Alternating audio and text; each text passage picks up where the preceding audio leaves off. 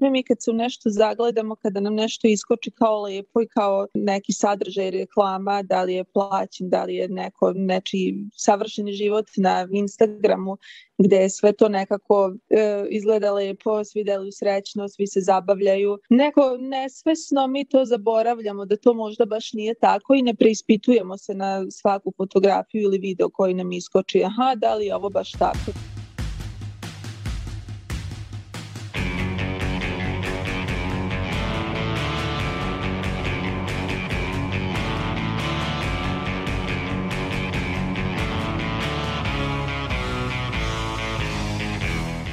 Zdravo, slušate podcast Reagu i nezavisnog društva novinara Vojvodine.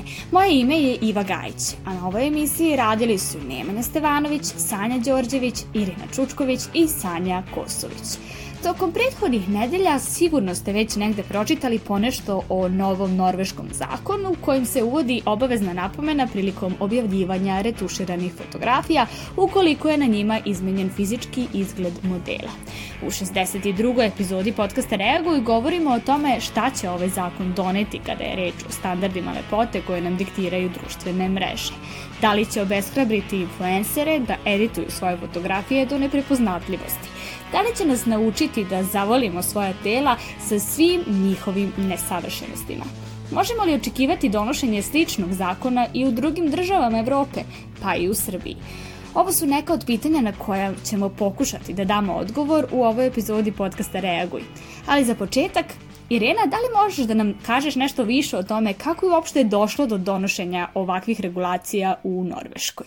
Naravno, Iva. Kako je početkom jula preneo portal Lepota i zdravlje izmenama i dopunama Norveškog zakona o marketingu iz 2009. godine, deljenje retuširanih fotografija tela u promotivnim postovima na društvenim mrežama bez disklejmera, odnosno napomene da je slika obrađena, smatraće se nezakonitim. Fotografije na kojima su obrađene usne i struk, te su naglašeni mišići nakon fotografisanja, pa čak i one s filterom, odsad će u slučaju pokušaja prikrivanja obrade biti kažnjavane novčanim iznosima.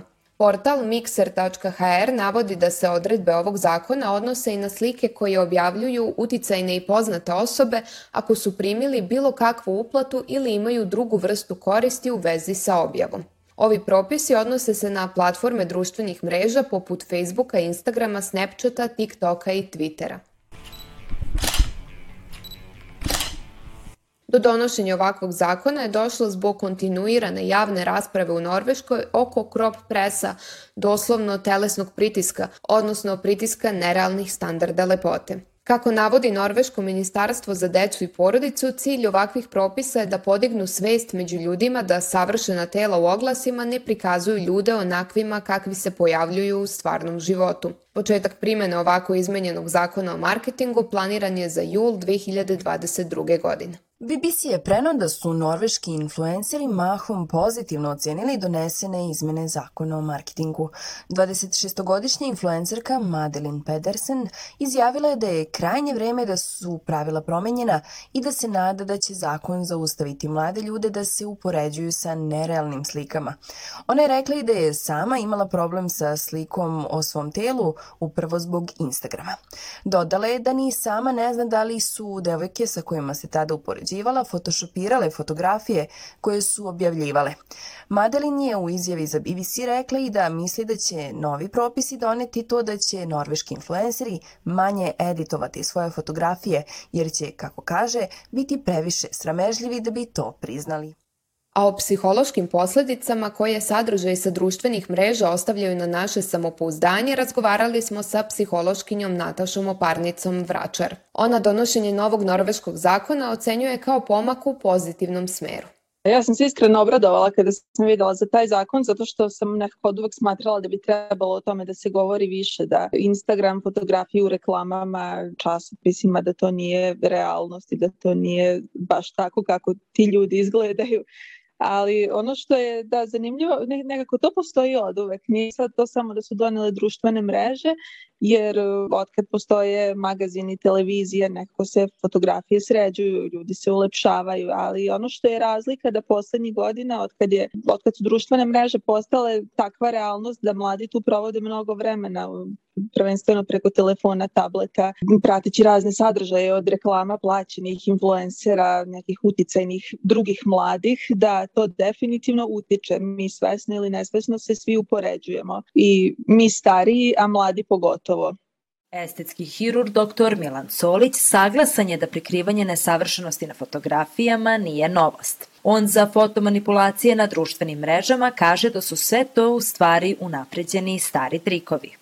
Gledajte, evo ja ću da se vratim u daleku prošlost. Mi smo imali davno, davno na našim kongresima koji se danas mahom održavaju preko Zuma i tako dalje, ali nekad su bili susreti imali rad koji se zvao Istine i laži u plastičnoj hirurgiji. I onda, znate, one čuvene slike koje se prikazuju pre i posle operacije, pre i posle operacije, zašto je kolega pričao, pričao, pričao, da bi na kraju rekao, evo pogledajte, nijedan od ovih pacijenata nije operisan. To su samo fotografije koje su nastale pod različitim uglovima sa različitim osvetljenjem. Tako da, minimalno zasvenčenje, znači minimalno, vi, na primjer, kad uzmete pa slikate nekoga čije je telo udaljeno pola metra ili 30 cm dalje nego što je preoperativna fotografija, na postoperativno izgleda kao da nema 5 kg. To su, to su jeftini trikovi koji nisu baš a, tako, ovaj, da kažem, nisu novijeg datuma, nego su vrlo stari. Sad mogu da zamislim, odnosno viđam svakodnevno kako to izgleda upotrebom Photoshopa, kompjutera, filtera i raznoraznih stvari. Nerealni standardi lepote koji su nam prezentovani kroz društvene mreže najviše utiču na mlade i njihovo samopouzdanje, objašnjava psihološkinja Nataša Oparnica-Vračar u određenim godinama nemaju nekako izgrađen identitet i neku jasnu sliku o sebi, već tek u tom osetljivom periodu kad se negde traže, kada postavljaju pitanje ko sam ja, kada nekako negde prirodno žele da budu prihvaćeni, da budu na najbolji mogući način da zadovolje sve neke kriterijume i očekivanja, a neki standardi koji se nameću su visoki, odnosno nerealni zapravo. To onda stvara negde konflikti, e, unutrašnji konflikti, osjećaj da nismo, da nismo dovoljno dobri, da ne izgledamo dovoljno lepo, dovoljno mršavi, mišićevi, preplanuli, čisto lice i uglavnom je to vezano za fizički izgled. Što onda kasnije dovodi do naravno niskog samopouzdanja i do toga koliko sve, ovaj, sve veće potrebe i sve više mladih se podvrgne nekim plastičnim operacijama kasnije i nekim drugim načinima promene svog izgleda. Međutim, paradoksalno je to što su mladi i tekako upućeni u mogućnosti za retuširanje fotografija koje nude čak i neke jednostavnije aplikacije koje se mogu instalirati na svaki mobilni telefon. Sagovornica podcasta reaguje i kaže da ih to ipak ne sprečava da se podsvesno upoređuju sa slikom o nečijem izgledu ili životu koja im je prezentovana na društvenim mrežama. Ja mislim da pitamo svakog tinejdžera da da li je, ne znam, da li su ove fotografije obrađene, svi će negde reći da, da, jesu. Ali to su negde nesvesni mehanizmi, mi kad se u nešto zagledamo, kada nam nešto iskoči kao lepo i kao neki sadržaj reklama, da li je plaćen, da li je neko nečiji savršeni život na Instagramu, gde je sve to nekako e, izgleda lepo, svi deluju srećno, svi se zabavljaju. Neko nesvesno mi to zaboravljamo da to možda baš nije tako i ne preispitujemo se na svaku fotografiju ili video koji nam iskoči. Aha, da li je ovo baš tako, nego prosto se ono kao eto, svima je zabavnije nego meni ili kako već krenu neka, posebno, neka uverenja, posebno ako su te osobe u nekoj ranjivijoj fazi, nešto se ne osjećaju potpuno u startu ok sami sa sobom, onda to negde kao da potvrdi, pa da, kao nisi dovoljno ok. Mislim da nismo uvek svesni toga. Racionalno jesmo, ali taj nesvesni nivo koji je dosta utiče na naše emocije, to vrlo lako zaboravi.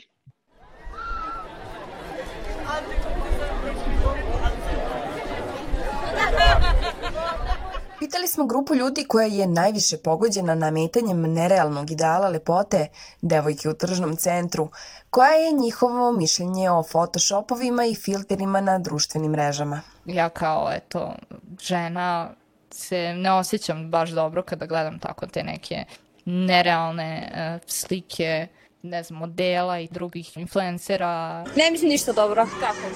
Zato što se tu krije prirodna lepota i jedna je osoba na Instagramu i na uh, Facebooku, a druga osoba uživo. Pa mislim da je to okej, okay, ali s one strane dok to bude kao neka neko zadovoljstvo, ali mislim da to nije nešto što bi moralo da identifikuje ljude onake kakvi jesu, jer pošto je to sve u stvari lažno. Pa ja smatram da je Photoshop uh, prvenstveno nepotreban zbog toga što su standardi lepote pomereni i što uh, devojke, pogotovo mlađe, nemaju realnu sliku o uh, prirodnom izgledu i smatram da je prvenstveno prirodan izgled mnogo lepši i da apsolutno nema potrebe za popravljanjem nekih nedostataka jer smo svi lepi takvi kakvi jesmo na svoj način. Nemam ništa protiv, ali nisam za to. Mislim da tako da objasnim. Svejedno mi je mogu to gledati daleko od toga, ali nije nešto da utiče puno na moje mišljenje. I use Instagram filters a lot, all the time, on every picture. Why? Because I like it. I think it's prettier with filter. Mislim da je jako varljivo za drugih. Ja sam jako dugo mislila da svi imaju jako lepu kožu, a samo ja da imam neku čudnu. Nataša Oparnica Vračar objašnjava da su izuzetno važne i kampanje na društvenim mrežama kojima se promoviše prirodan izgled, kao i reklame nekih brendova koje ne koriste tipične modele za svoju odeću. Zato što se podsjetimo od toga da, da nije isto i da ta ista žena može na sledećem događaju kada ode kod frizera i kada stavi profi šminku i obuče se da izgleda potpuno drugačije, ali da je u realnosti da može da bude i slobodna i e, opuštena i bez šminke i bez farbe i kako god. I dosta ima kampanja isto koje su simpatične negde većini ljudi, ali recimo kada, ne znam, naša kampanja je to imala neka Anita, gde su našli recimo plus size modeli, to je isto dosta nekako kao da je da, dalo odobrenje da je potpuno ok da kupaći može lepo da stoji svima, da ne mora svako na plaži da bude nekih e, idealnih, odnosno vrlo mršavih proporcija koje se smatraju kao idealne. Tako da definitivno jeste bitno da sve to ističemo kao nešto sasvim normalno, jer zaista svi imamo različite tijela, različite visinu i ostale dimenzije, boju kože i ostalo. Tako da mislim da je bitno da i u reklamama sve to postoji i bude viđeno i da se ne krije. Ovakvih pozitivnih primera ima i kod nas. Dragana Dukuljev je body positivity aktivistkinja. Ona svoj profil opisuje kao mesto slobode uma i seksualnosti, ali i razbijanja tabua kroz informisanost. Svojim sadržajem Dukuljev razgovara o problemima kojima se i mi danas bavimo. Njene fotografije nedavno su bile objavljene u El Srbija Body dodatku ja sam isto odrasla u okruženju gde sam gledala samo jedan tip manekinki, da kažem u novinama, na TV-u, na bilo gde, u filmovima čak. I iskreno nisam očekivala ranije da će doći taj dan, da će neko moje veličine i mog oblika tela biti u modnom časopisu. Znači to je ono baš bila velika stvar. Radili smo čak analogne fotografije, tako da je to bilo onako poprični izazov, zato što M je bilo analogno, tako da nisam mogla da vidim kako će da ispadnu fotografije i imate ih, jel te, bilo je tipa po deset i manje fotografije po odeći, što, mislim, mi nismo navikli danas na to, navikli smo na digitalnu fotografiju gde uradiš 500 slika za jed, jednu majicu, a druga stvar, igrom slučaja u tom stanu gde smo bili nije bilo ogledala. Tako da ja uopšte nisam znala kako izgledam. Ja sam samo ovako mogla da vidim koliko mogu od gore i to je to. Ja nisam imala pojma ni kako izgledam, ni kako stajam u kojoj pozi, znači uh, baš je bilo izazovno, ali uh, meni je bilo jako drago što sam baš tamo shvatila koliko daleko sam ja stigla sa tim mojim prihvatanjem tela, jer ja uopšte se nisam brinula da li mi ispada neki salac, da li sam stala u nekoj pozi koja nije toliko ono uh, flattering za moju figuru. Ne, apsolutno, znači svaku pozu koju su mi rekli, ja sam sela, iskrivila se, namestila se, mislim i na kraju ona poza sa stomakom gde mi najviše se vidi bila na ono kaveru na dve strane i ja sam bila totalno kao cool, wow good for me. Uopšte se nisam potresla ni 1%. Na društvenim mrežama mogu se pronaći i zablude o body positivity aktivizmu. Kako Dukuljev naglašava, to znači prihvatiti sebe u svakom obliku, a ne isključivo sa manjkom ili viškom kilograma moram da naglasim jednu jako bitnu stvar koja se često greši kad je u pitanju body positivity, a to je ljudi smatraju, koji nisu dovoljno da kažemo informisani, ako si body positive, to znači da ne želiš da se menjaš nikada u životu i da želiš da ostaneš isti ovakav zauvek. To uopšte nije istina. Uh, body positive zapravo znači da ti prihvataš i voliš sebe u svakom obliku, što ne znači da potencijalno nekada nećeš želeti nešto da izmeniš. Ali to što menjaš, menjat ćeš zato što ti to hoćeš, a ne zato ti društvo to nalaže. Zakon o obaveznoj naznaci prilikom promovisanja sponzorisanih postova koji sadrže retuširane fotografije na društvenim mrežama za sada se odnosi samo na Norvešku.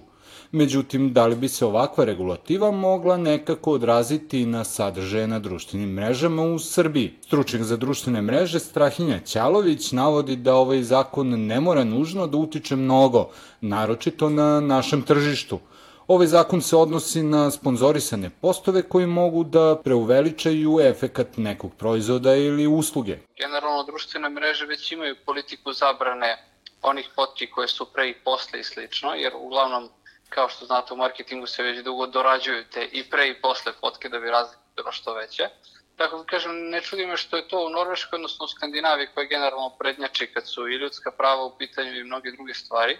Tako da mi je to sasvim logično, ali kažem, mislim da to neće previše uticati jer mislim da se trenutno to i dalje odnosi samo na isključivo komercijalni sadržaj, odnosno sadržaj gde se nešto promoviše, projekt ili usluga, ali ne i na pojedinačne fotografije na kojima pre svega influenceri, pošto se na njih odnosi, i dalje mogu da dorađuju slike i da, da kažem, šalju nerealnu sliku o svom telu, licu i tako dalje. Ipak ovaj zakon, prema rečima stručnjaka za društvene mreže, štiti malog čoveka, običnog korisnika društvenih mreža, ali ne od svih mogućnosti prevare na društvenim mrežama kada je marketing u pitanju. Pre svega, pošto gledate društvene mreže žive od marketinga, što onoga što se plaća njima, što onoga što se, da kažem, izvrti kroz influencere, narodske rečeno, ovaj, žive od toga i, i s jedne strane pokušavaju da regulišu to tržište, s druge strane jako teško, pa smo onda kroz e, oglašavanje na mrežama imali i političke malverzacije i tako dalje. Ovo se uglavnom odnosi na, ajde da kažemo, malog, odličnog čoveka, odnosno pojedinca koji biva pritisnut od strane društvenih mreža da, jel te, ovaj, drugačije izgleda, drugačije se oblači i tako dalje. Ovaj, ali opet kažem, mislim da mreže nema ništa eksplicitno vezano za samu obradu fotografije i mislim da to još uvek ni tehnički ni tehnološki ne mogu da uspostave. Tako da a, mislim da korisnici nemaju apsolutno nikakvu prepreku da nastave to da rade, a da opet kažem kada je Norveška u pitanju da će se ipak više a, češljati verovatno od strane neke njihove nadležne institucije koje nema veze sa samim mrežama, a češljati taj sponzorisani sadržaj. Tako da mislim da će tako oni to uspostaviti. Strahinja Ćalović navodi za podcast Reaguj da je ovakav zakon dobar i da veruje da će se iz Norveške slični zakoni preliti u druge razvijenije zemlje. Mislim da je dobro generalno što je takav zakon donet, iako će biti teško da se primeni, a mislim da je dobro zato što je to kao neko ko se generalno bavi marketingom, a smatram da, da je neophodno da marketing postane malo čistije tržište i da jednostavno imali smo taj skandal, čini mi se će ima dve godine, tad možda, možda i manje, kada su snimili tri influencerke u Velikoj Britaniji koje su pristale da reklamiraju čaj za koji su im rekli, mislim čaj ne postoji, ali su im rekli da u njima postoje otrovne materije, ali da će im oni dobro platiti da to izreklamiraju. Ovaj, tako da, eto kažem, taj skandal je samo pokazatelj u kom smeru se ide i mislim da je zakon dobar. Ovaj, pretpostavljam da će nakon Skandinavije, odnosno Norveške konkretno, i ove druge razvijenije zemlje krenuti tim putem, pa da će se nekako preliti na nas. Ćalović za podcast Reaguje kaže da pravila na društvenim mrežama mogu da regulišu tržište, a samim tim i da se reguliše to tržište i u Srbiji bez zakona. Pa, a, ako ne zakon, onda bar taj terms and condition, jer ako društvene mreže počnu da penalizuju one koji to rade, i, a jel se, algoritmi bi mogli da se prilagode tome da mogu da prepoznaju takve stvari, onda mislim da će influenceri sami morati da, da kažem, pristanu na to i bez zakona, ajde u okviru Republike Srbije ili neke druge zemlje ovde u okolini, već ovaj, će morati da, da se prilagode tome da im mreže jeli, ne bi ugasile nalogi i slično, tako da kažem, mislim da će mehanizam biti taj. Razvijenije zemlje donesu zakon, onda društvene mreže to sprovedu u više država i onda imamo, ajde da kažem, relativno uređeno tržište, a jedna od tih država bi mogla bude i naša. Kada je reč o influencerima u Srbiji, stručnjak za društvene mreže navodi da je samo mali procenat onih koji dobro zarađuju. Bez obzira na popularnost, veliki deo influencera u Srbiji ima samo slavu i pažnju, a novac zarađuju reklamiranjem proizvoda i usluga. Pa, u Srbiji generalno influenceri ne zarađuju previše, iako se to ovaj, tako gleda mislim da i mediji tu stvaraju malo nerealnu sliku jer se uglavnom hvataju za par influencera čije zarade mogu da budu više desetina hiljada evra mesečno.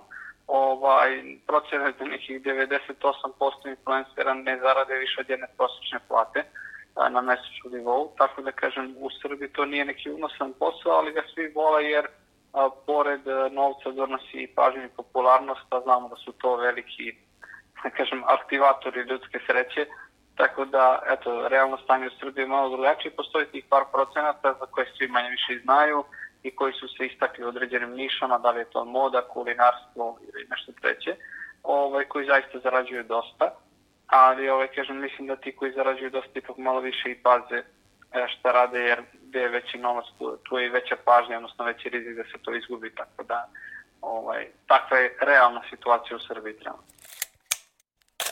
A kako donošenje norveškog zakona vide sami influenceri, odnosno kako bi se takav zakon u Srbiji mogao odraziti na njihov rad? Ana Pavasović je influencerka stacionirana u Novom Sadu koja se profesionalno bavi šminkanjem. Kako kaže, kada bi se ovaj zakon doneo i u Srbiji, on ne bi mnogo uticao na funkcionisanje samih influencera. Iskreno, ni ne vidim veliki uticaj na influencere prije dolasku ove odluke. Nama je to rečenica više da se ubaci u opis slike, ali više vidim uticaj na mlađu publiku.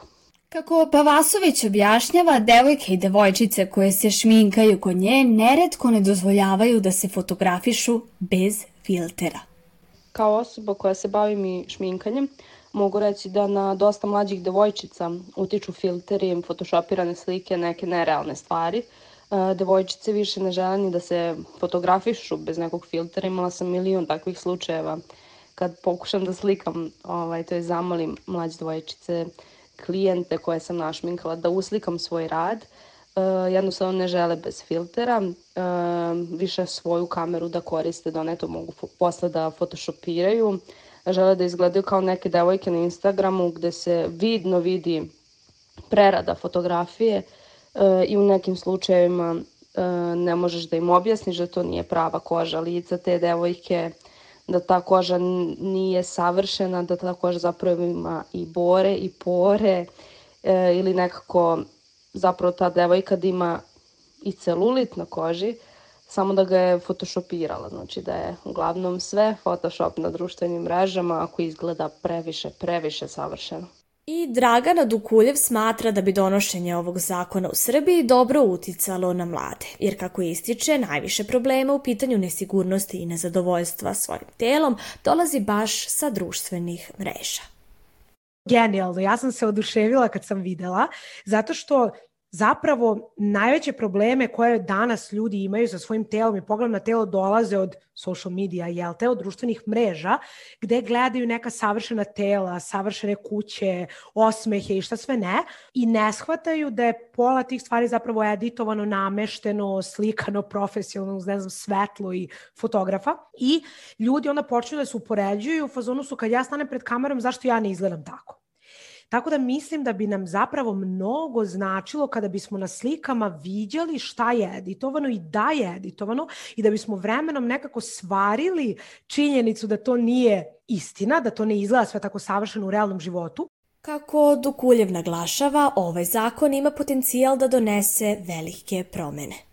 Ja se nekako nadam da bi vremenom i ti ljudi koji edituju shvatili koliko je to bizarno da rade. Zato što zamisli da ti treba da edituješ neko, na primjer, modela, ne, evo sad mene slikaš i sad napišeš smanjili smo i struk, e, smršali glavu, povećali oči i onda ti kad pročitaš taj opis i vidiš sliku, pa niko ti više ne bi verovao i koja bi bila poenta. I mislim da bi nekako to postalo bizarno i da bi na kraju isparilo potencijalno, tome se ja nadam, ovaj, zato što kao ljudi bi shvatili koja je poenta, zar ne? Koja je poenta da ja izgledam kao barbika ako svi znamo da to nije istina?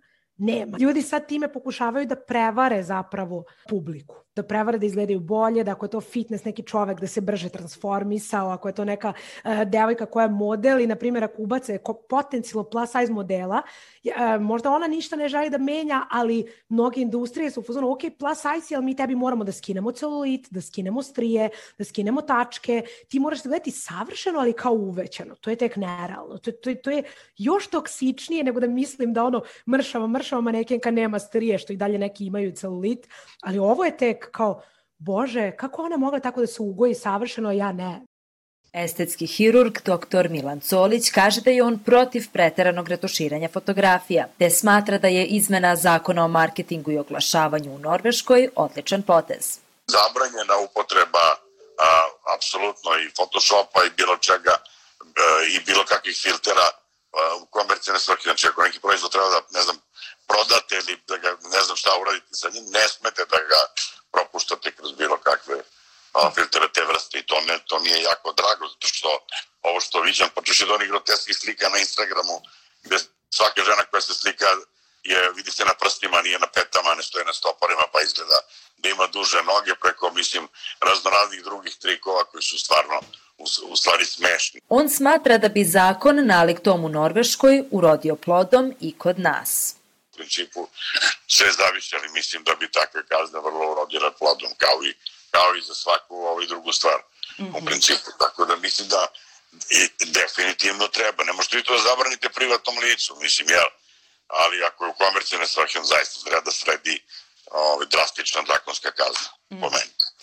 Dr. Colić kaže da danas, prilikom odlaska na konsultacije za estetske poduhvate, ljudi i dalje donose fotografije poznatih ličnosti, ali danas donose i svoje fotografije sa filterom na licu. I dalje ima jednog i drugog, ne mogu da kažem, u principu, ovaj, pogotovo danas a, mobilni telefon koji ima bogatu memoriju, onda oni to prave u slobodno vreme, ima tih programa, pa onako docrtaju sve to i tako dalje. Znači, kad krenu da mi vadi telefon na prvom razgovoru, kaže, znači, stavite to sa strane, to ćemo na kraju. Obavezno ih dovedem do gledala i kažem, ajte da vidim svojim rečima šta znate da mi kažete o vašoj želji ili kako zamišljate vaše budući nos, grudi ili bilo šta drugo.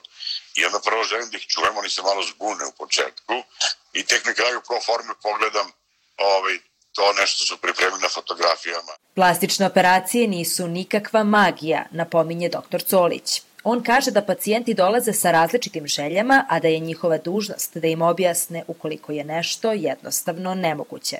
Znate, ja im objasnim da mi nismo supermarket estetske hirurgije, znači ne uđete vi pa se ne police skidate nos, ne znam, od ove glumice, sa one, ne znam, to je prosto nemoguće. Znači, ljudsko tkivo nije drvo, nije kamen da ga vi sad klešete onako kako bi oni želeli. A naročito ako su u pitanju operacije koje se izvode na nekom delu tela drugi, treći, četvrti put. Znači, to je onda velika, da kažem, odgovornost i na nama da prvo da objasnimo pacijenta, drugi da prihvatimo takvog pacijenta. Ako vidite da, da problem nije u izgledu, onda znate da je problem u glavi. Kako on prepričava, nekada se dešava i da odbiju pacijente ukoliko procene da osoba ima problem sa percepcijom svog izgleda.